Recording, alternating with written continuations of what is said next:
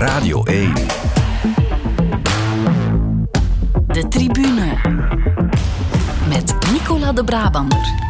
Goedenavond, welkom bij de tribune. Het zijn drukke tijden voor sportfans, want het WK hockey, het WK handbal en de Australian Open zijn intussen allemaal aan de gang. Sportza volgt dat eh, allemaal op de voet, maar in onze uitzending van vandaag gaan we de economische tour op. We zoomen in op de financiën in het nationale voetbal en daar heeft een van mijn twee gasten heel veel mee te maken. Goedenavond Thomas Peters, sporteconoom. Goedenavond. En ook goedenavond aan allround sportkenner Wim de Koning. Dag Nicola. Heren, uh, welkom. Thomas, je werkt aan de Erasmus School of Economics in Rotterdam. Wat is daar je officiële jobtitel? Ja, ik ben daar associate professor, wat zoveel wil zeggen dat ik lesgeven onderzoek doe. En in dat onderzoek gaat het voornamelijk over concurrentie tussen bedrijven en in mijn geval voetbalclubs. Ja, voetbalclubs. Door welke sport ben je naast het voetbal eh, nog gepassioneerd? Uh, vooral door wielrennen. Uh, ik speel zelf ook tennis, maar dat is op een erg laag niveau. Dus ik zou... Ik krijg het ook met de fiets, maar dat is op een nog lager niveau. Dus okay. in dat opzicht... Ja. Maar sporteconoom ben je dus geworden. Nochtans, ik heb in een filmpje op de website van jouw werkgever gezien dat er eigenlijk andere ambities waren, Thomas. Ja, in, een, in, in de lagere school was het snel duidelijk dat ik geen voetballer zou worden. En in dat opzicht ben ik dan... Had ik dan het idee, ik word waarschijnlijk wel premier van België. Ja, ja, ja. ja dat is een bescheiden ambitie. Hè? Ja, je moet ergens beginnen, denk ik dan. Hè? maar goed, het kan nog altijd. Hè? Uh, ik ben nog niet dood. Dus nee, voilà. Hoe ben je dan in het academische circuit gerold? Want een politieke carrière heb je vooralsnog niet, hè? Nee, dat heb ik niet. Uh, ik heb uh, mijn, mijn studies gedaan aan de Universiteit Antwerpen. Daar was mijn promotor van mijn scriptie, Stefan Kessene, en die was heel sterk met die sporteconomie bezig toen al. En hij vroeg dan na mijn scriptie eigenlijk van... Zou dat niks voor jou zijn om daar ook wat onderzoek in te doen? En ik dacht, dat zie, dat zie ik wel zitten. En ja. op die manier ben ik er helemaal in gerond. Mm -hmm. We gaan er straks over praten. Wim, jij maakt ook deel uit toch van het academische circuit, of niet meer? Uh, ja, jawel. Ja, jawel. Vertel maar. Goh, uh, ik geef wat gastlessen in uh, Artevelde Hogeschool in Gent. Ja. Aan de ergotherapeuten. ja. Welke vakken? psychomotoriek in de grote ruimte heet dat. Kijk eens aan. Ja. Dat, Goed, dat is voor uh, nog een andere uitzending ja. van de tribune. Hebben ze jou nooit gevraagd om in de politiek te gaan, Wim? Want met zo, jawel, uh, ja, jawel, jawel, ja, in Deinze, waar ik woon. Ja. ja. Uh, er was nog een plaatsje vrij op de lijst van de burgemeester. En de eerste schepen, die dan ook een verge buur is van mij. En dus nummer 25 op de lijst was nog vrij. En je hebt het gedaan? Ik heb het niet gedaan. Ah, okay, maar ik had wel nog een, een, shirt liggen van Anderlecht met nummer 25 op. En ja, dat vonden ze geweldig. Dus dat gingen ze op die manier... Dat heb je gedoneerd. Wat reclame maken voor mij. Maar nee, ik heb uiteindelijk ja. afgehaakt. Okay. Ze hadden nogthans Luc Mielekan, moet ik wel zeggen. Luc Mielekan opgetrommeld. Ex-ploegmaat van mij, bij, bij Waregem natuurlijk. En, en 35-voudig international. En Luc is heel lang in de politiek geweest. En Luc moest mij ook een beetje helpen overhalen. Maar dat is, dat is niet gelukt. Ja, het is jammer, want iemand die het zo goed kan uitleggen, die ook op tv komt, dat zou electoraal succes garanderen volgens mij. Maar wat. Wim, ben je goed met cijfers? Nee, niet zo. Ja. Goh. Ik heb wel uh, in de humaniora economische gestudeerd, maar uh, boekhouden, daar had ik eigenlijk een, ja, een beetje een broertje aan ja, dood. Ik vraag het omdat we het zo meteen gaan hebben ja. over de financiële gezondheid van de Belgische voetbalclubs. We gaan er straks verder op in, maar we beginnen zoals altijd met de momenten van de week. En beginnen doen we bij het moment van Thomas. En dat is niet per se een sportieve prestatie, maar wel een relevant moment uit zijn domein. Otra diferente es que tenemos que exigir a nuestros legisladores europeos, a la Comisión Europea, que todo lo que han dicho en sus declaraciones, que las ha mencionado él, en defensa del modelo del deporte europeo, las transcriban en directrices, en directivas de la Unión Europea, las transcriban en reglamentos de la Unión Europea para proteger al fútbol europeo. We hoorden Javier Tebas, dat is de voorzitter van La Liga, de Spaanse voetballiga. Uh, hij sprak vorige week op een conferentie van uh, Sport et Citoyenneté in Brussel met als naam, Thomas, Defending the European Football Ecosystem and Tradition. Waarom koos je dit fragment en wat zei hij? Want het was in het Spaans, dus we moeten even vertalen misschien. Ja, waar, waarom koos ik het misschien eerst? Hij spreekt over het verdedigen van het Europees model van sport en dan bedoelen ze tegen de Super League. En dat is hun hun vijand die vorige week ook een conferentie hielden voor hun uh, zaak te, be Ook in Brussel, hè? Ook in Brussel. Ja. En dus die, die lobbyoorlog die is heel sterk aan de gang nu tussen eigenlijk de voorstanders van, of de medestanders van UEFA zou je kunnen zeggen, en de tegenpartij in dat uh, grote proces dat ook nog steeds lopende is bij het Europees Hof tussen de Super League en de UEFA. Dus die, die lobbyoorlog die, die is in volle gang. En wat zegt hij? Hij, zegt eigenlijk, hij roept eigenlijk de commissie en de Europese parlementsleden op om hun um, het model van sport te gaan verdedigen en dat om te zetten in Europese regelgeving.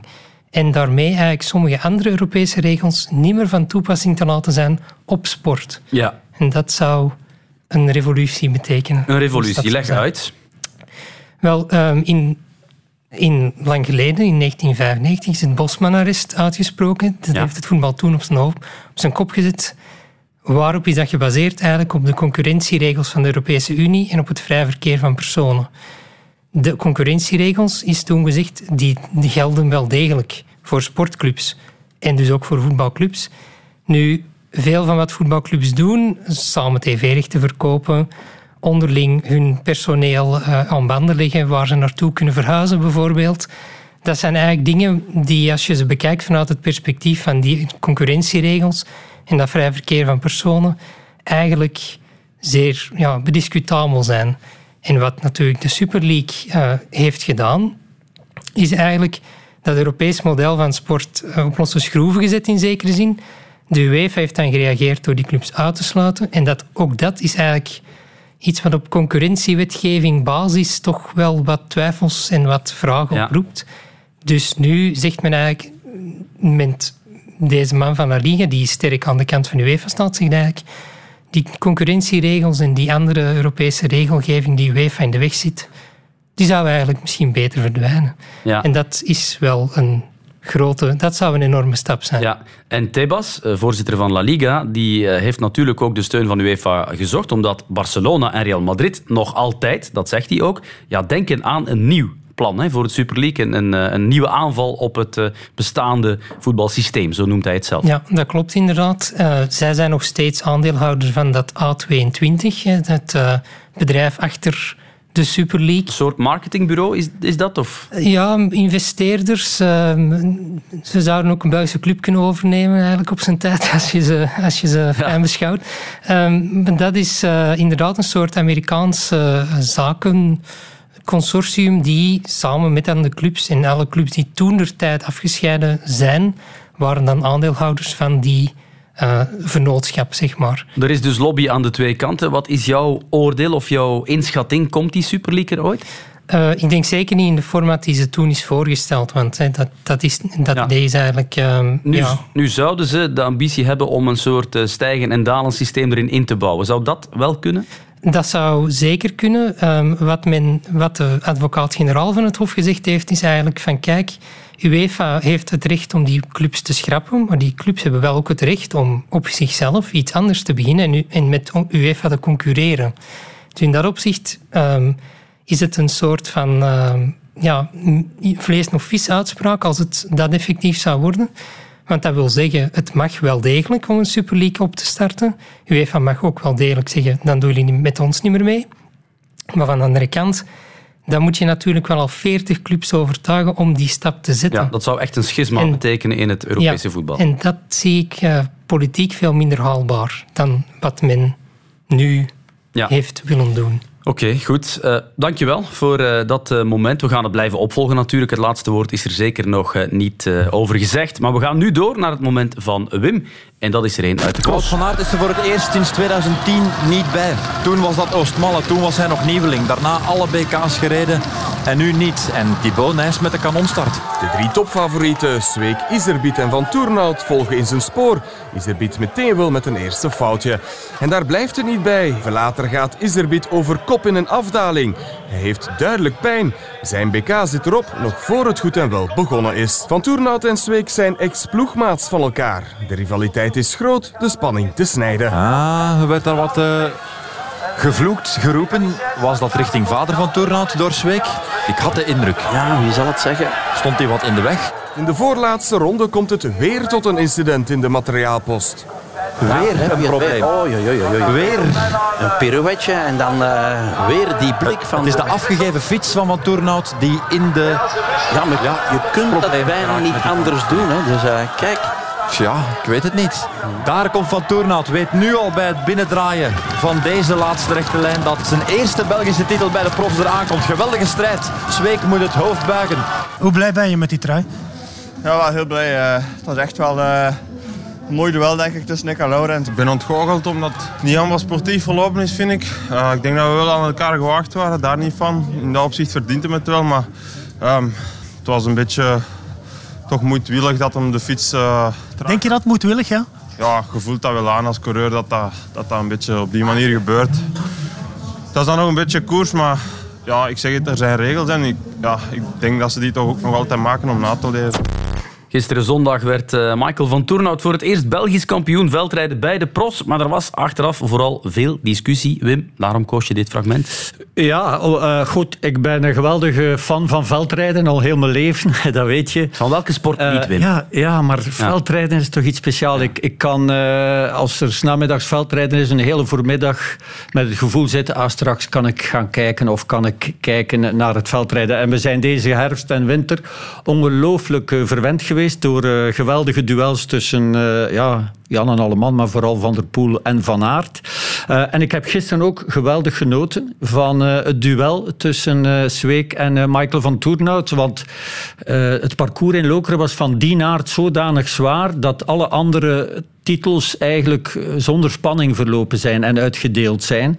Dus uh, geweldig wat die twee ons voorgeschoteld hebben. En ze waren echt wel aan elkaar gewaagd, waardoor het van details afhing wat er, uh, ja, wie uiteindelijk de titel zou pakken. En het detail, wat voor mij zeker het verschil heeft gemaakt, was die fietswissel. Zeker die tweede, waar uh, Zweek eigenlijk toch een, een vier, vijftal seconden verliest. En waar Michael van Toernout ja, uh, vol de gas openzet. En Zweek heeft zeker een ronde bijna moeten rijden om dat gat te dichten. En dat heeft hem toch die extra kracht ja. gekost. Maar hij was er, hij was er heel boos over. Hij was er Zweek. boos over, ja, maar toch nog zeer uh, ja, als een gentleman langs een kant toch ook nog. Er zijn erbij die anders zouden reageren, denk ik. Maar ik blijf er wel bij dat het niet opzettelijk is wat er gebeurd is. Wat er wel gebeurd is, is dat ze veel te dicht bij bij elkaar stonden, omdat dat de beste plek was ja. Eh, in de materiaalpost natuurlijk. Verplaatsen, uh, de mechanicien die verhuist van één box naar een andere tijdens de cross, ja, dat lijkt me nu wel niet optimaal. En dat is wat er gebeurd is. Dat is wat Zweek uh, aanklaagt, wat de mechanicien van Van Toornhout gedaan heeft. Ja, blijkbaar mocht Zweek in box 1 staan en Michael van Toornhout met zijn entourage in box 4. Maar de eerste ronde stond Van Toornhout in box 20 blijkt nu. En heeft heel die uh, materiaalpost gelopen, moeten lopen. En hij zag ook dat Zweek kon rijden, waardoor hij dan die eerste ronde eigenlijk een beetje afstand nam. Uh, waardoor Van Toernout onmiddellijk teken deed uh, naar zijn mechaniciens. Dat zijn zijn papa en zijn schoonpapa blijkbaar, die dat doen. om ja, terug te keren naar die betere ja. positie. Dat heeft hij dan gedaan.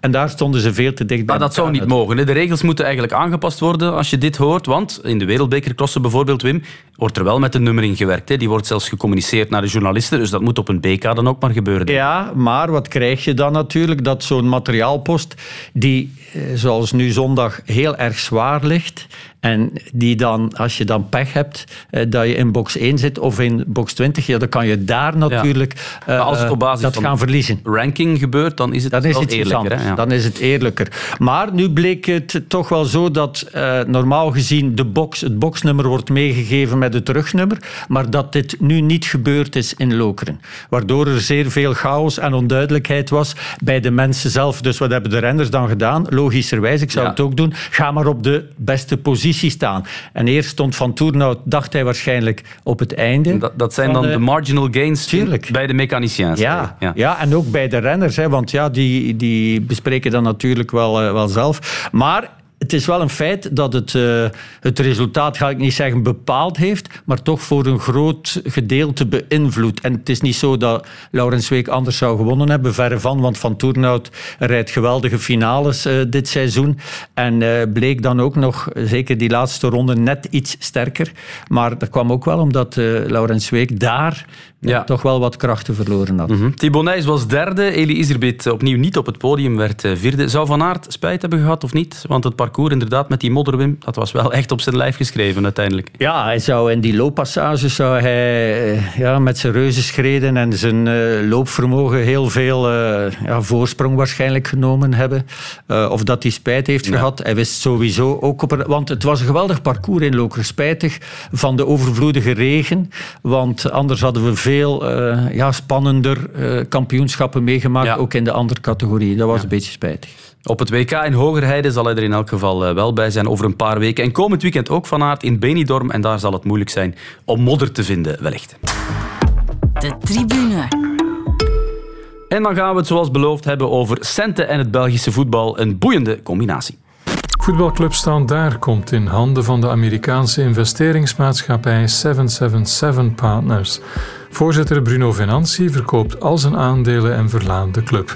777 Partners is ook al eigenaar van de Italiaanse voetbalclub Genoa en heeft ook aandelen in het Spaanse Sevilla en in het Braziliaanse Vasco da Gama. Bij Anderlecht is de veelbesproken kapitaalsverhoging om de club financieel gezond te maken vandaag helemaal afgerond. Hoofdaandeelhouder Mark Koeken scheldt de schulden van de club kwijt en neemt ook deel aan de kapitaalsverhoging van meer dan 40 miljoen euro. Ik denk dat Union voetbal brengt, bracht of brengt nog, het zal morgen hopelijk ook brengen, maar een voetbal dat, die, ja, die, die, die met de middelen die ze hebben, maar langs de andere kant kijkt daar wel iets anders in. Hè. Dat is Brighton, hè. dat is niet Union, hè. dat is Brighton dat daar staat. En dan zie je dat dat een club is met veel meer middelen dan wij. Voetbalclub KV Mechelen heeft een nieuwe hoofdaandeelhouder. En die pompt 4 miljoen euro vers kapitaal in de club. Daarmee krijgt Mechelen zowel op korte als lange termijn extra financiële slagkracht. Ik denk dat een, een club uh, in een stad zoals Gent verplicht is om uh, mee te doen bovenaan. En om dat te bereiken in het huidige voetbal, waar dus, dus het voetballandschap heel, heel erg veranderd is, laten we daar uh, absoluut eerlijk in zijn, door de externe financiers of door de binnenkomen van, ja, laten we zeggen, uh, heel vermogende uh, eigenaars. om daar tegenop te gaan, denk ik dat een externe investeerder wel ja. zou zijn. Ja, Thomas, er was heel veel te doen over uh, het Belgische voetbal, de financiële toestand bij onze eerste klasse clubs. Dat gaan we met jou een beetje verder uh, bespreken. Je hebt dat opzoekwerk gedaan, je volgt de rekeningen sowieso natuurlijk wel uh, mee op. Ze zijn nog niet allemaal binnen voor het afgelopen voetbalseizoen. maar ik wil je eerst een algemene vraag stellen. Leeft het Belgisch voetbal globaal gezien boven zijn stand? Um, globaal gezien vind ik dat een, een zeer moeilijke vraag. Want ja. er zijn er die zeker niet toekomen met hun centen en er zijn er die dat wel doen. Dus het, um, het gehele Belgische voetbal door de mangel halen, wil ik zeker niet doen. Maar we stellen vast dat er maar heel weinig ploegen zijn die ofwel winst draaien of een heel beperkt verlies leiden. Het is vaak meer verlies, vooral. Klopt, klopt. En zeker de laatste twee seizoenen natuurlijk heeft men bovenop de normale gang van zaken ook nog de covid-pandemie te verwerken gekregen. Dat zorgt ervoor dat er veel clubs die normaal gezien wel break-even hadden gedraaid, daaronder vallen. De meeste van onze clubs zijn ook niet echt in de business om uh, veel winst te maken. En wat ze meestal be beogen, denk ik, is toekomen met hun geld. Geen al te grote puttenschuppen, maar eigenlijk er hoeft ook niet heel veel winst te zijn. En zeker als je naar de supporters luistert van de meeste clubs, die dringen er ook meestal op aan dat het geld gespendeerd wordt. En dat is natuurlijk een dynamiek die je overal hebt in het voetbal. En in Belgisch voetbal in bijzonder hebben wij, denk ik, nog die situatie waarin we willen meedoen met de Europese top, subtop, zeker onze topclubs. Die subtop en die top wordt veel, veel rijker en veel sneller rijk dan wij. En dat zorgt ervoor dat als je daarmee wil meelopen, dat je eigenlijk altijd net een stap te, ja. tekort komt. Is het dan wel gerechtvaardigd dat je nog wil meegroeien met dat soort competities en dat soort clubs? Maar ik denk dat de meeste supporters van de meeste clubs willen dat hun club het zo goed mogelijk doet. En als je kijkt naar de consternatie die er toch de laatste week was bij Anderlecht bijvoorbeeld, is toch duidelijk dat die druk van supporters iets is. Maar niet te onderschatten is, er zijn niet zoveel CEO's in het bedrijfsleven die tot aftreden gedwongen worden door de klanten. En dat is hier in deze industrie wel zo. We hebben nog niet zoveel niet-uitvoerende CEO's in het Nee. bedrijfsleven. Eh, maar veel clubs, Thomas, zijn op zoek naar investeerders om verder te groeien. Uh, Zulte Waregem bijvoorbeeld, Charleroi. Daar was sprake van een Amerikaanse investeerder onlangs. Bill Foley, die heeft afgehaakt. Hoe kijk je daar dan naar? Dat er altijd, eh, en Yvonne de Witte zei er ook net iets over, dat er altijd gezocht wordt naar extra kapitaal, extra investeerders? Ik denk, op zich vind ik dat niet zo heel erg. In die zin dat ik denk, uh, de meeste van de mensen, zoals Ivan de Wit ook aangaf, die dan in het voetbal stappen, zijn zeer vermogend. Als die mensen wat van hun spaargeld kwijt willen, dan is voetbal een goede investering om je geld uh, kwijt te geraken. Dus in dat opzicht... Een leuke investering of een goede investering? Ja, een leuk, als je het leuk vindt, dan is, ja. het, uh, dan is het goed. Als je denkt van uh, snel rijk te worden, is het vaak ja, minder interessant. Ja. Um, wat is natuurlijk jammer, als je, um, denk ik, veel mensen in België denken aan de Belgische competitie, lokale inbinding en dat soort dingen. Ja, dat gaat natuurlijk verloren in die, ja, in die race. En dat is ja, iets wat veel mensen denk ik wel jammer vinden. Persoonlijk denk ik, um, het feit dat het Belgisch voetbal nog steeds geld aantrekt, wil toch ook zeggen dat het een product is wat eigenlijk aanspreekt. En ik bekijk meest soms, soms die eigenaar ook niet per se als de types investeren, maar ook als een soort consumenten. Wat zij kopen is een voetbalclub waarmee zij... Ja.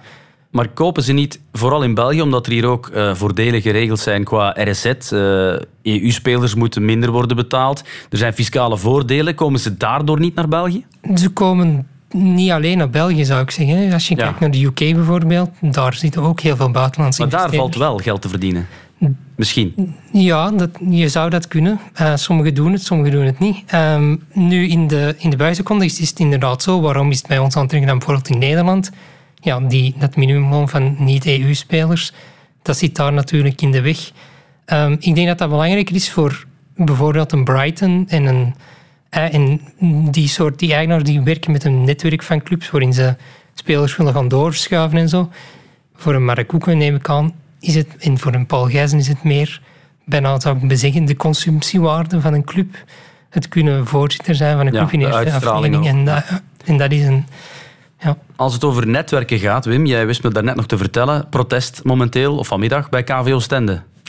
Ja, uh, scheid aan het beleid. Uh, de ja, supporters de hebben gereageerd ja, uh, vanmiddag omdat ze vrezen dat hun club uh, ja, naar de verdoemenis gaat. Hè. het is PMG, de Amerikaanse investeerders, die zeven clubs hebben gekocht. Um, waaronder Oostende.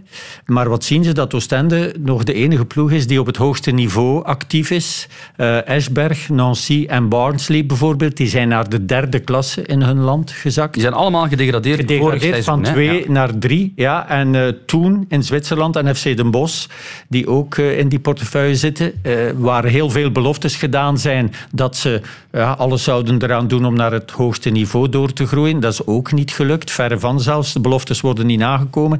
En in Oostende uh, liep het geweldig het eerste jaar met Blessing. En ook uh, de spelers die ze op basis van data en met uh, Gauthier Ganay daar haalden, die hebben ze ook met veel winst verkocht. eigenlijk heel hun ploeg hebben ze verkocht. Terwijl het een ploeg was, als je die had kunnen laten doorgroeien, die ja, in staat was om top 5, top 6 te spelen. En wat zien ze nu in Oostende? De supporters, dat het van kwaad naar erger gaat en dat het, uh, uh, ja, dat het water aan de lippen staat, aan, van de zee dan. Ja. Uh, en dat ze hoogstwaarschijnlijk vrezen dat ze dezelfde weg opgaan van, van die andere clubs. Ja. is het financiële verschil, Thomas, tussen spelen in de Jupiler Pro League en de lagere divisie, de Challenger Pro League, is dat te groot, waardoor je dat protest krijgt? Dat is zeker voor, een, voor de clubs die, die op en neer gaan, is dat eigenlijk. Ja, je kan niet een constant beleid voeren als je het ene seizoen uh, een derde gaat verdienen van, van het volgende seizoen. Wat natuurlijk de oplossing is, is natuurlijk dat we dan meer geld naar die tweede afdeling doorschuiven. En dan natuurlijk uh, komen we bij dat andere punt dat we nog willen meedoen met de Europese top. Dat we nog willen meedoen met de Champions League. En dan, en dat is ook wat het argument tegen het afschaffen van de resetkorting was, dan gaan we onze topclubs de veren afknippen, de vleugels afknippen. En dat is natuurlijk ja, wat met Bart Verhagen bijvoorbeeld niet zou willen. Laten we misschien wat meer in detail praten over sommige clubs en hun jaarrekeningen. Nog niet alle clubs hebben die cijfers bekendgemaakt voor het vorige seizoen. Een paar topclubs hebben dat wel al gedaan. Anderlecht is er één van. En vorige week, Thomas, stond er plots te lezen in de kranten dat de jacuzzi niet altijd meer goed werkt. Dat er maaltijden meegenomen moeten worden tegen betaling. Dat soort zaken. Maar Anderlecht ontkende dat er nu een financiële verslechtering is. En eigenlijk hebben ze een punt, hè. dat is niet uh, bewezen. Nee, ik denk, wat wij zien is natuurlijk wat er op de situatie op 30 juni 2022 was. Ja, en dat zijn de feiten. Dat zijn degene, dat, die jaarrekening is nagekeken, die jaarrekening is geaudit, die jaarrekening klopt. Um, wat staat daarin? Ja, wat u net ook al zei, de, de schulden zijn grotendeels afgebouwd door die kapitaalverhoging. En het eigen vermogen is sterk aangevuld. Het is nog niet waar je het zou willen, maar het is wel al sterk aangevuld. Natuurlijk, wat zien we ook in diezelfde jaarrekening? Dat Anderlecht in datzelfde seizoen 27 miljoen euro eigenlijk operationeel verlies draait.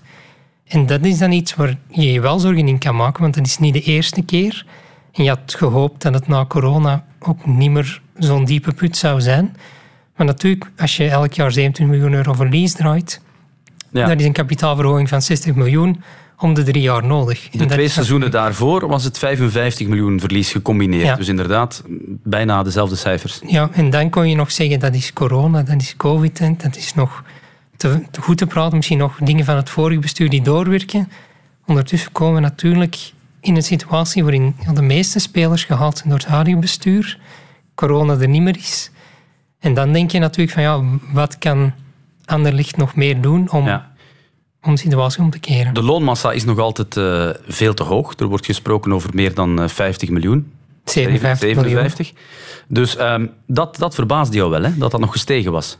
ja, als je natuurlijk de cijfers ziet, dan zou je denken, ik zou denken dat Anderlicht uh, richting een vermindering zou gaan. Natuurlijk, dan zie je de cijfers en denk je, wie is er eigenlijk allemaal bijkomen, dan is het misschien toch niet zo onlogisch allemaal. Maar van de andere kant um, halen ze natuurlijk play-off 1 vorig seizoen en, en bekerfinale. Dus op zich een oké seizoen. Maar je kan niet in een seizoen waarin dat je 75 miljoen euro opbrengst hebt, bijna 60 miljoen euro aan lonen betalen. Dat is gewoon niet mogelijk. Ja, dat is geen verantwoord beleid. Um, dat is geen... Uh, ik denk dat je... Wat, ik wil er één ding over zeggen. Dat is dat veel Belgische clubs, wat ze wel succesvol doen, is dan na een tijd een keer Champions League spelen, een keer uitverkoop houden, om dan al die schulden recht te zetten, hè, om al die verlies op te halen. Dat is iets wat Genk bijvoorbeeld vrij succesvol doet. Nu, ik weet niet of bij Anderlecht het realistisch is dat ze nog veel hoger dan die 7 miljoen zouden gaan. En bijvoorbeeld in, in het huidige seizoen zit dat er waarschijnlijk niet in. Ja, en ook zonder nieuw stadion uh, moeilijk. Ja, en dan is het jammer dat die kapitaalsverhoging gebruikt is om putten te dempen en niet om na te denken over wat heeft die club eigenlijk nodig om wat ze ooit was, de club in België waar aan elk gewonnen punt het meeste geld wordt verdiend, terug te worden. Meer inkomsten. Meer inkomsten per gewonnen wedstrijd, meer inkomsten per, ja, door transfers te doen. De mindset uh, die Anderlecht ooit had, van we kunnen eigenlijk uh, de andere Belgische clubs financieel zover overklassen dat we die kunnen leegkopen. Ja, die, die, dat kunnen ze nu niet ja, meer. Maar de situatie is nu wel weer stabiel, terwijl ze op de rand van het faillissement hebben gestaan. Ja, zeker. Je zou kunnen zeggen, je bent terug op nul gekomen. Maar als je nu terug dit seizoen, ja, het loopt niet echt lekker financieel, eh, sportief. Waarschijnlijk zal dat financieel zich van gaan vertalen. Er zal geen Champions League gespeeld worden. Er zal waarschijnlijk geen Europa League gespeeld worden. Wie wil de spelers die twaalfde werden in de Jupiler Pro League? En op die manier kom je dan ook weer niet in een positieve spiraal terecht. Ja. Goed, dat was Anderlecht. Een andere club die vorige week een nieuwe aandeelhouderstructuur en kapitaalsverhoging doorvoerde was KV Mechelen. Dat was blijkbaar ook dringend nodig om een financiële crisis te vermijden. Uh, wordt mij gezegd, ja. Ik vond persoonlijk um, dat die... Um, ik denk bij, Mechelen, bij zo'n kapitaalverhoging Mechelen denk ik dan al gauw ik vind Mechelen eigenlijk uh, een soort succesverhaal. Want eigenlijk als je kijkt naar waar ze zitten, wat ze doen, uh, ze verdienen vrij veel geld, vind ik, uh, gegeven... Een stadion zit quasi altijd vol. Ja, en in dat opzicht vraag ik me dan af, wat is dan het idee? Wil, kan men in Mechelen een club uitbouwen die altijd top play-off 1 speelt of nou dichtbij zit? Dat bedoelde ik daarnet. Je ambities moeten misschien ook realistisch zijn. KV Mechelen mag misschien gewoon een middenmotor zijn in België. Ja, en dan, het nadeel is dan als je 16 clubs hebt, en zeker dit seizoen, als je middenmotor bent, ja, dan zit je niet echt heel ver boven die degradatie. En dan komen we terug op het punt van daarnet. En die degradatie is zeer kostelijk. Ja. En dat is natuurlijk... Het is een kapitaalsverhoging van uh, zo'n 4 miljoen euro. Ze hebben ook een nieuwe hoofdaandeelhouder, Philippe van Esch. Uh, clubs die geen kapitaalsverhoging kunnen doen, komen die automatisch in de problemen? Ik haal KV Kortrijk aan als voorbeeld, waar Matthias Leterme ja, daarover klaagt dat dat bij hen niet kan, door ook weer een buitenlandse eigenaar die niet investeert. Ja, uh, ik denk niet dat het één op één zo is. Eh, ik denk dat er wel clubs zijn die wel degelijk laten zien dat je uh, in België rond de plek kan spelen en eigenlijk door oké kan, kan, um, kan presteren, ook financieel. Bijvoorbeeld Charleroi, uh, de kampioen van de break-even, maken nooit grote winsten, nooit grote verliezen. Zitten altijd ergens in die grijze middenmoot, zou je kunnen zeggen. Het probleem is natuurlijk dat je als supporter misschien ook niet per se blij van wordt. Van, dat is nu ook een probleem. Dat is letterlijk... Het beleid wordt, uh, wordt op de korrel genomen. Ja, stel u voor, daarom, terwijl het eigenlijk een voorbeeldig beleid is, wat ja, u nu zegt. Voorbeeldig. Hè. Ik ben persoonlijk, uh, zoals ik al zei, ik, heb, uh, ik begrijp dat mensen die in het voetbal willen investeren, dat die graag winst willen maken. van de andere kant, het is een extreem concurrentiële sector. En je, je krijgt er ook iets voor terug als, als investeerder in de zin van je wordt een, een, bekende Vlaming of een bekende Waal. Ik hoor het, jij hebt ambitie om te investeren en, in een voetbalclub, Thomas. Daar heb ik uh, de financiële middelen jammer genoeg niet voor. Um, Als je premier bent wel, uh, straks. Ja, maar het is vaak eerst voetbal, dan premier. In Italië is het ja, ja, ja, onder andere. Oké, okay, maar je ziet er dus ook de positieve kanten van in. Maar de club die het, uh, het slechtste eraan toe is op dit moment, dat is Standaard, hè? Ja, Standaard heeft inderdaad uh, eigenlijk een beetje hetzelfde traject aan Anderlecht, zonder de grote kapitaalsverhoging. Hè. Dus eigenlijk al een, een, aantal jaren grote tekorten. En ook weer dit jaar eigenlijk een groot tekort. Dus ook weer geen verbetering na die coronacrisis. Ook vond ik een erg lage omzet eigenlijk. Uh, in, hun, in hun laatste jaar. Ja, hun stadion is qua commerciële middelen denk ik niet uh, al te succesvol. Um, ja, ik ben er een paar Ja, het is een, een, vrij oud stadion in het moderne voetbaltermen gesproken dan. Um, er, ik, ze hebben de, de reserves die eigenlijk Duchâtelet heeft achtergelaten helemaal opgegeten. En nu hebben ze al een aantal jaren dat ze eigenlijk iets aan het zijn dat er niet meer is. Dus de schuld op dit moment bedraagt om en bij de 50 miljoen. Ja, en het eigen vermogen is ook negatief. Dus dat uh, wil eigenlijk zeggen, dat zijn al die oude verliezen die ja. daar nog staan te wachten om aangevuld te worden. Dus het wordt niet gemakkelijk voor die 777 uh, die de club hebben overgenomen om die situatie onder controle te krijgen? Mm, ja, ik denk wat, uh, wat ze zullen moeten doen is, is stevig uh, saneren en natuurlijk nadenken over... Ik denk een club als Standaard in, in, in een stad als Luik... Wat er niet weg is, is het feit dat het eigenlijk een aantrekkelijke club is, commercieel gezien. Er is een grote fanbasis, er is een grote stad. De grote Waalse club van België. Dus in, in die zin denk ik dan, dat is niet verloren, dat is niet kapot gemaakt. Je ziet bij Antwerpen bijvoorbeeld, zelfs als je twintig jaar ligt te slapen en iemand maakt dat wakker, dan komt dat toch terug boven. Dat commerciële, die commerciële macht eigenlijk. Dus dat is niet weg. Het is een kwestie van nu die situatie oplossen en dan terugbouwen aan ja, een iets uh, duurzamer succes. Ja, maar met die buitenlandse investeerders vraag je je dan zo ook soms af. Bijvoorbeeld nu Raskin en Amala, twee spelers die ze normaal zouden kunnen verkopen als dat ja. goed uh, begeleid wordt en beheerd wordt. Die gaan misschien beiden uh, gratis vertrekken. Ja. Dat is toch wel ja. veel kapitaal die ze zomaar laten gaan. Hè? Maar Omdat gezegd... ze het niet van dicht genoeg waarschijnlijk opvolgen. Ja, er wordt gezegd dat, dat het aan de vorige eigenaars ligt dat hun contract niet tijdig verlengd is. Maar bon. Ja, maar nee, gaan, dat, dat is... Uh, ja. ja. ze zijn daar toch al een tijdje, 7, 7, Ja, een maand of tien, hè? Ja, wel, dus... Ja. Dus het had dat, ook in het begin van die periode ja, misschien gekund. ja, ja, voilà. Ja. Maar, ja, zeg maar. Ik zag nog iets heel opvallend in de boekhouding van Standaard. Dat helemaal op het einde ze ook hun spelers naar de marktwaarde gingen evalueren. Dat is iets wat je weinig ziet en ja. zeer gevaarlijk. Dat mag ook niet. Ja, ah, nee. Dus in de officiële jaarrekening was het niet zo. Maar dan gingen ze achteraf zeggen van, maar eigenlijk staan we er veel beter voor. Want dat is ons kapitaal. Ja, dat is ons kapitaal. Maar natuurlijk, dat kapitaal uh, zoals je zegt, als het niet op tijd uh, verlengd wordt, die contracten, dan zijn ze gewoon weg. Ja. En die waarderingen zijn ook altijd wat, uh, wat vloe. En Standaard betaalde ook uh, zo 30 miljoen ongeveer aan lonen, terwijl de omzet maar 20 miljoen is. Dus ook dat is weer opvallend, Wim. En als er dan vrij verkeer zou komen, ja, dan gaan die spelers uh, minder gaan opbrengen? Of uh, ja, ja, is dat toch ook een, uh, een zwart van Damocles dat dan boven die clubs hangt? Ja, er is, er is een zekere tegenkanting tegen dat transfersysteem zoals het is natuurlijk, omdat het, en dat kan je ook niet ontkennen, veel spelers ja, vast ligt aan clubs waar ze eigenlijk niet willen zijn of niet aan spelen toekomen. De andere kant van de medaille is natuurlijk heel het businessmodel van veel clubs gebaseerd is op dit idee van het transfersysteem er zal sowieso een overgangsperiode nodig zijn, want er staat in onze laatste uh, cijfers, geloof ik, iets van een 6 miljard euro aan spelers als immaterieel vaste activa op de boeken van Engelse, Duitse en uh, Spaanse clubs. Dus dat is uh, toch een, een, behoorlijk bedrag. Ja. Ivan de Witte zei hier vorige week, we hebben nog last van die covid-crisis. Kan jij dat zien in de cijfers die Gent presenteert? Um, ik vond de cijfers van Gent eigenlijk niet heel slecht. Um, nu, ik geloof Ivan de Witte wel, want hij heeft natuurlijk veel meer. Ik, zie wat ik in de jaarrekening kan lezen. Hij weet wat erachter zit. Um, en natuurlijk, zij hebben in principe een heel goed stadion. Dus dat moeten sluiten is voor hen misschien erger dan voor clubs die in het uh, Dudepark spelen, bijvoorbeeld. Maar dan, ja, dan zou ik denken, nu is dan toch de tijd van de renaissance en zou het toch terug beter moeten gaan. Ja, maar er komt minder volk kijken. Eh, die covid eh, heeft dat ook wel meegebracht, dat mensen het gewend zijn van, als ze dan toch kijken, misschien naar televisie te kijken en niet meer naar het stadion komen. Het is ook niet meer zo aantrekkelijk, het voetbal wat Gent brengt dan.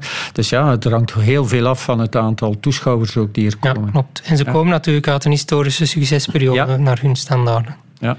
Nog een paar clubs hebben we nog niet vermeld. Club Brugge, ja, de laatste jaren telkens kampioen. Zie je dat ook in de cijfers, dat ze het daar goed doen? Ja, ze zijn veruit de rijkste en dat zal nog even zo blijven, denk ik. Um, zeker nu, de, de jaarrekening die er nu zit aan te komen, daar zal die enorm succesvolle Champions League-campagne in gaan verschijnen in de, de cijfers van juni 23. Ik verwacht mij volgend jaar niet aan een lager cijfer voor Club Ja, in welke mate vertekent het uh, beeld van de competitie, of is het vertekend door die Champions League inkomsten? Um, als één Economisch dan? Hè? Als één club het jaar op jaar erin slaagt om die, die bedrag binnen te halen, dan krijg je inderdaad dat sneeuwbaleffect dat we ook bijvoorbeeld in Nederland hebben gekend met, met Ajax.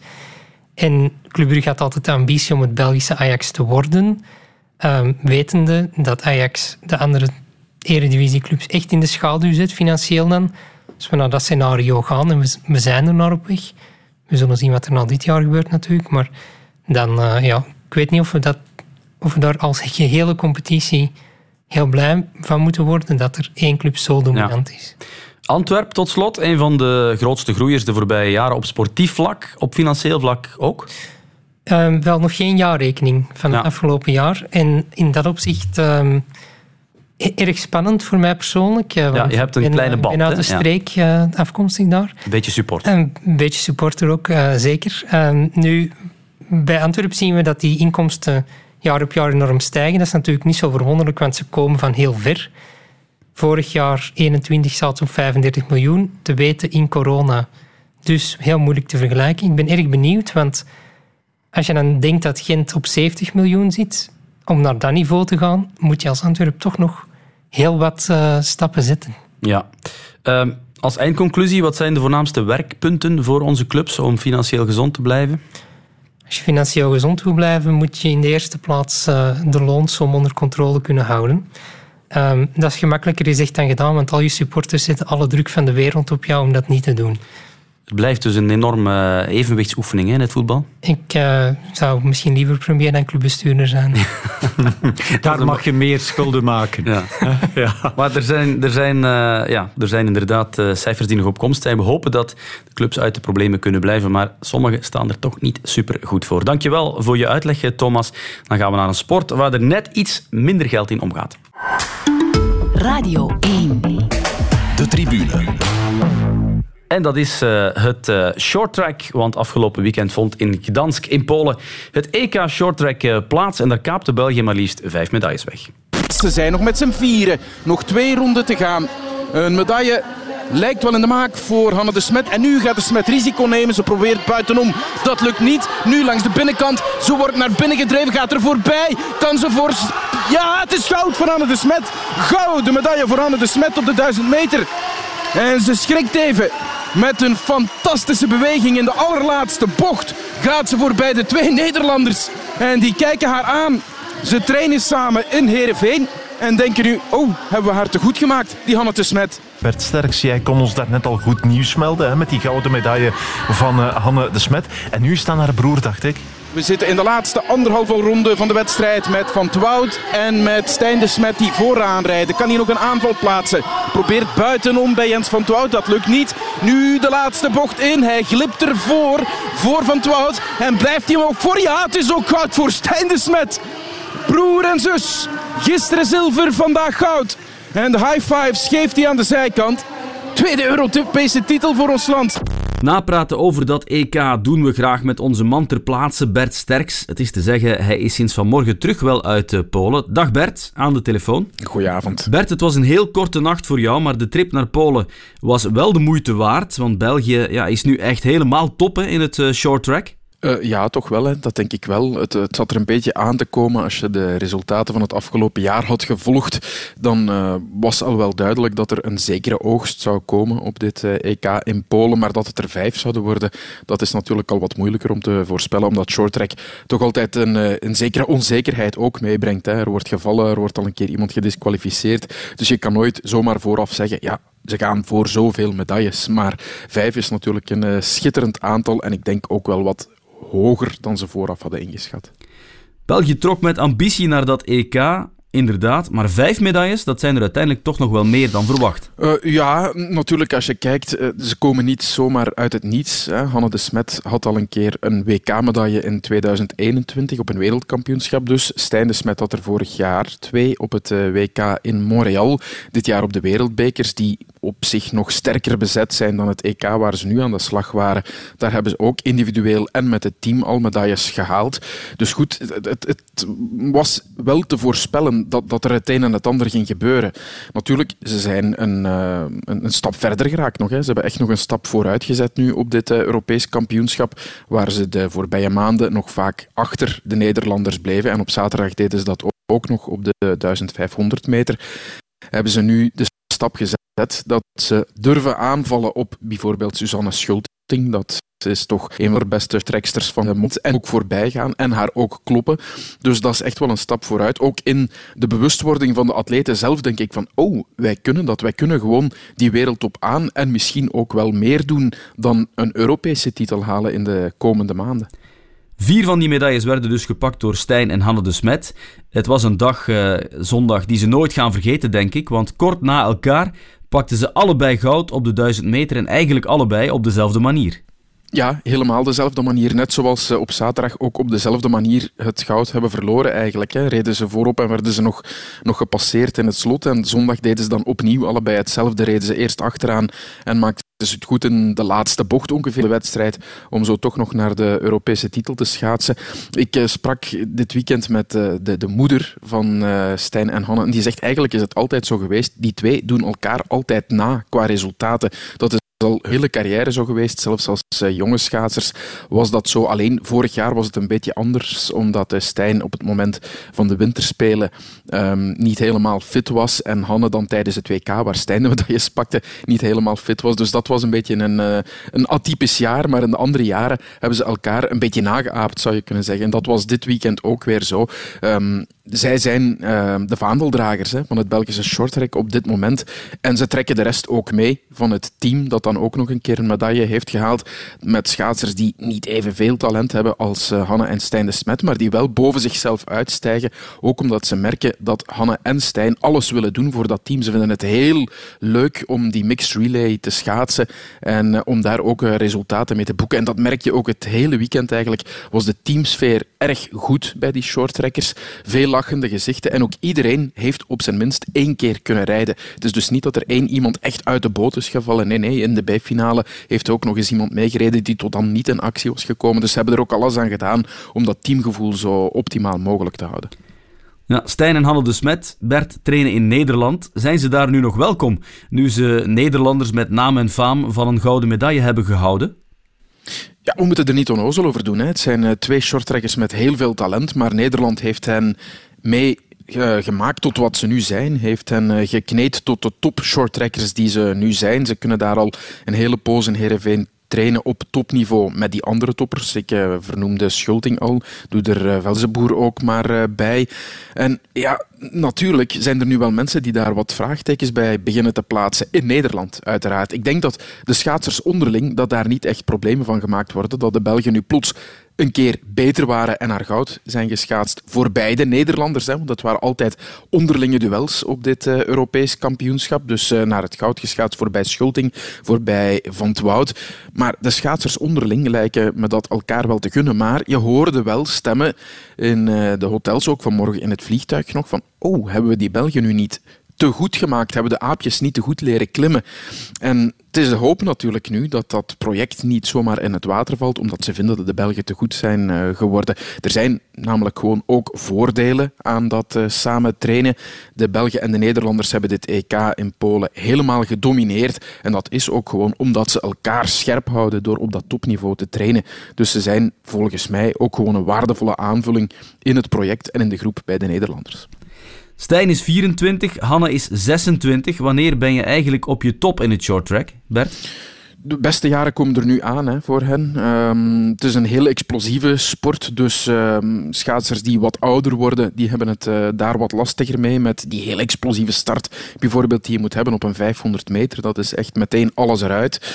Dus uh, de beste jaren komen er nu aan en die cyclus naar de winterspelen van 2026, die wordt heel interessant. Ik denk als ze het niveau aanhouden dat ze nu hebben, en volgens de bondscoach Ingmar van Diel kunnen ze zelfs nog wel wat beter worden dan ze nu zijn, dat ze op elk groot kampioenschap en dus ook op de winterspelen in staat zullen zijn om mee te spelen voor de uh, medailles en al zeker om op veel van die kampioenschappen finales te rijden. Dat uh, staat buiten kijf. Natuurlijk een EK, is nog iets anders dan een WK. Daar komen nog de sterke Zuid-Koreanen voornamelijk bij, ook Chinezen die sterk zijn. Canada heeft altijd weer een sterke delegatie. Maar ook dan ze hebben het dit jaar al laten zien dat ze het kunnen ook met de mixed relay om hun voet tussen die anderen te zetten. Dus ik denk de komende drie jaar tot aan die winterspelen op zijn minst dat die uh, heel veelbelovend zijn voor Hanne en Stijn de Smet, maar dus ook voor de Belgische ploegen. En welke bijdrage levert de bondscoach Ingmar van Riel eigenlijk? Hoe groot is zijn aandeel in dit succes? Ja, die is er wel. Hè. Hij is ook heel hard bezig met de tactiek van de mixed relay. Bijvoorbeeld laten schaatsers in hun tweede beurt in een wat andere volgorde schaatsen, omdat hij denkt dat ze daardoor beter voor de dag komen gewoon in die wedstrijd. Dus het is iemand die er vele uren mee bezig is en voor een stuk ook het werk gewoon voortzet van Pieter Gijzel, die uh, die bende jarenlang heeft getraind, daar uh, vele uren heeft ingestoken, heel vaak op en af is gereden naar Heerenveen om bij Hanne en Stijn de Smet te zijn. En dan de andere schaatsers, die zaten dan weer in Hasselt. Dus die heeft heel vaak heen en weer gereden, heeft er grote delen van zijn leven voor opgeofferd. En ik hoorde dat hij gisteren ook een berichtje had gestuurd naar de Belgische delegatie dat hij zich een trotse papa voelde van het Belgische team. Om maar te zeggen, hij heeft het mentaal nog altijd niet helemaal losgelaten, denk ik. En ja, dat is ook normaal. Als je er zoveel hebt ingestoken en je ziet wat een stappen die bende nu heeft gezet. Dus het aandeel van Ingmar van Riel is er zeker, dat is niet te onderschatten. Maar toch ook nog altijd een pluim op de hoed van de vorige bondscoach van Pieter Gijzel. Oké, okay, super. Dankjewel, Bert, voor je analyse. Graag gedaan. Radio 1. De tribune. En we keren nog één keer terug naar het Belgische voetbal om het te hebben over de topaffiches van het voorbije weekend. Play that game numerous times and the results probably going to be very, very different. Van Aken stuurt de Buchanan weg. Jugla vraagt hem en Nielsen duwt hem binnen. Is het doelpunt. Daar is Club Brugge. En daar is Casper Nielsen zoals in de hele wedstrijd. Na drie kwart wedstrijd is de ban gebroken. Dankzij misschien staat klaar. Maar Anderlecht blijft komen. Arnstad met de trap en de goal. Een ooggoal. Een ooggoal van Mechelen. Arnstad trapt en dan Het Belgisch kampioenschap biljart was. Binnen 1-1. Wat heb ik gezegd? Die bal zou zelfs... Karel Gerard, in het voetbal wordt er veel gesproken over wat er gebeurt op de 6, op de 8, op de 10. Elke tegenstander probeert dat bij jullie onder controle te krijgen, daar grip op te krijgen. Maar jij vindt telkens opnieuw iets anders weer. Hè? Dat hoort bij het voetbal, maar ik denk dat wij uh, vooral spelers hebben die heel, uh, heel hybride zijn. Die, die kunnen meer dan enkel in hun positie spelen. Hè. Die, doelpunt van uh, Dante van uh, Zer. Met zijn linker heeft hij de bal uh, binnengetrapt. Boniface bleef daar liggen en zijn de Antwerp verdedigers daardoor een beetje in de luren gelegd. In elk geval het doorkoppen van Thuma. We zaten met een cliffhanger in het radionieuws. Een penalty voor Union tegen Antwerp. Wat is er gebeurd, Stef? We zullen het je maar vertellen, zeker Niels. Het is 2-0. Teddy Thuma heeft het feilloos uh, omgezet uh, door het centrum Jean Buté. Ja, Wim, jij mocht de voorbije twee weken aan de zijde van Tom Boudewil commentaar geven op twee toppers. Gisteren zat je in Jan Breidel. Hoe is het mogelijk dat Anderlecht gelijk speelde? Uh, dat is het uh, mooie uh, aan voetbal. Daarom komen ook zoveel mensen naar voetbal kijken. Je kan een hele wedstrijd onderliggen, gedomineerd worden, overlopen worden, kans op kans tegenkrijgen en toch een puntje pakken. Zonder één supporter in het stadion. Het waren 28.000 blauw-zwarte supporters en die zagen een goed Club Brugge. Ja. Maar ze hebben niet voldoende doelpunten gemaakt. De club heeft 3 op 15 en volgt op 17 punten van Racing Genk. Ja, dat is onvoorstelbaar. Hè? En uh, op Genk hadden ze kansen genoeg om punten te pakken. Gisteren hadden ze kansen genoeg om vier, vijf doelpunten te maken.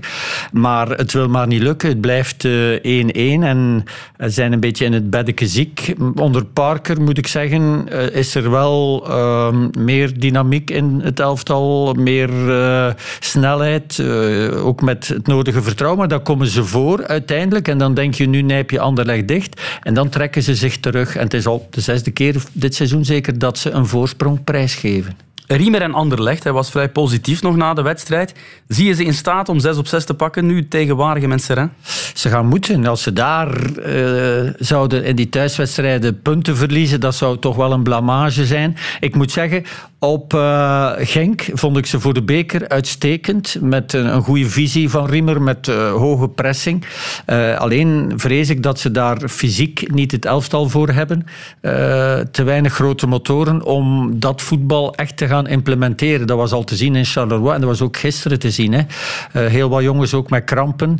Uh, ze zijn heel erg diep gegaan, maar het niveau wat ze haalden was, was heel erg weinig ja. of heel erg laag. En als je dan Zulte God beter het Zulte Waregem, op Genk. Hebt zien domineren, als het ware, want dat was het wel bijna, hadden daar eigenlijk, als je de wedstrijd analyseert, moeten winnen en kunnen winnen. Ja, dan gaat Anderlecht uh, ja, van een goed niveau moeten zijn van de week om uh, Zulte Waregem te kloppen. Zonder publiek dan nog. Zit Genk in een dipje, Wim? Want ze hebben afgelopen weekend uh, tegen Club Brugge nog wel gewonnen. Maar drie van de laatste vier matchen waren eigenlijk niet goed. Nee, klopt. je hebt wel het gevoel dat het wat moeizamer loopt. Het liep zodanig gesmeerd en geolied dat iedereen zag ze al zag freewheelen. Maar uh, je zag ook zaterdag, afgelopen zaterdag op een zwaar veld, dat wel. Uh, en met een aantal jongens die geschorst waren en rust kregen, dat de nederlaag tegen Antwerpen bijvoorbeeld zwaar in de kleren hing. En ook, er was toch wel een wake-up call tegen Anderlecht, of tegen Antwerpen, dat bekerverlies. ook tegen Club, met een beetje pech hadden ze de punten kunnen afgeven. Hè? Want de club kreeg daar ja, toch wel qua kansen, veel opener kansen dan, uh, dan wat Genk liet zien. Ja. Maar blijft natuurlijk wel een heel erg leuke offensieve ploeg om Absoluut. naar te kijken. Ja, ja. Wel. Uh, jouw Antwerpen won in de beker inderdaad, Thomas, maar ze verloren wel op Union. Je bent wel onder de indruk van Union en hun prestaties. Ja, ik ben zeker... Ah, ik, heb, ik herinner mij Unions match op Antwerpen vorig seizoen en dat was eigenlijk ja, een ongelooflijk dominante prestatie. En ik ben ergens ook heel blij. Sendeline vroeg bij mij in Giro gezeten. Um. En dat is wel een... Van Borsbeek was die. Van Borsbeek. Ik ben ook... Zaten de Giro van Borsbeek ah, dus samen. Okay. Dus. Ja, en die doet het erg goed uh, momenteel, ja, na een zware blessure. Uh, ik denk niet dat we echt uh, aanspraak konden maken op Eenderwa uh, gisteren. Ja. Dus. Wordt het, is het te vroeg, Wim, om te zeggen ja, titelstrijd Union Genk? Of zo ziet, het, ziet het er naar uit. Hè, maar eh, als er straks uh, door twee gaat gedeeld worden, dan gaat iedereen dan weer schrikken. Uh, wat het, er zijn nog wel, wat is het, 14 wedstrijden. In de reguliere competitie kan nog heel veel gebeuren. Hè. we maken nu al het eindresultaat, maar dat is er nog niet. Hè. 14 wedstrijden zijn nog heel veel punten nee, maar te verdienen Union, en te verliezen. Maar Union, ja, iedereen, ik was daar ook bij, heeft voor het seizoen gezegd, ja, twee toppers weg en de architect van het elftal weg. Een nieuwe jonge trainer die voor het eerste hoofdcoach is. Het wordt moeilijk om te bestendigen na een hoera-seizoen waar alles uh, ja, geweldig liep in de flow. Uh, als ze in top 8 eindigen, zal het geweldig gedaan zijn. Maar wat blijkt nu? Ze zijn nog beter. En weer even goed ja. uh, als vorig seizoen. En zeker en vaste titelkandidaat. Ja. Moet uh, Michael Vrij blijven of vertrekken bij Antwerpen, Thomas? Um, geen commentaar. Geen commentaar. zie je ze meedoen om de titel? Um, ik zou ze heel graag zien meedoen om de titel, maar het wordt moeilijk. We staan eigenlijk al vrij ver achter, denk ik, zelfs met de puntendeling. En als je de wedstrijden ziet, uh, tegen Genk was erg goed, tegen jou dan weer ja, ja. komen we dan toch weer net iets te kort. Ik zeg Antwerpen bedoel ik. Ja, en de bank is misschien niet uh, breed genoeg. Er moet misschien nog wat versterking uh, komen. Uh, deze week is de midweekspeeldag, mannen, in de Jupiler Pro League. Wim, jij weet hoe het werkt hier met onze vaste slotvraag. Waar kijk je nog naar uit deze week? Is dat iets met voetbal of iets anders? goh, ja, alle sport wat er is. Maar ik volg ook wel graag de Australian Open. ik hoop dat de Belgen daar eens een, een, ronde verder raken. En dat we die live op televisie kunnen, kunnen zien. Maar ik ga natuurlijk ook dinsdag, woensdag donderdag voetbal kijken. Ja, en uh, Thomas, jij Australian Open dan ook? Uh, zeer moeilijke uren vind ik. Ja, ja ik heb wat meer tijd overdag. Okay. Ja. In elk geval heel fijn dat je er was, Thomas. Hetzelfde geldt eh, voor jou natuurlijk, Wim de Koning. We hebben wat kunnen bijpraten over de financiën in het voetbal. Volgende week is dit programma in de goede handen van Jonathan met de penningen. Graag tot volgende maandag.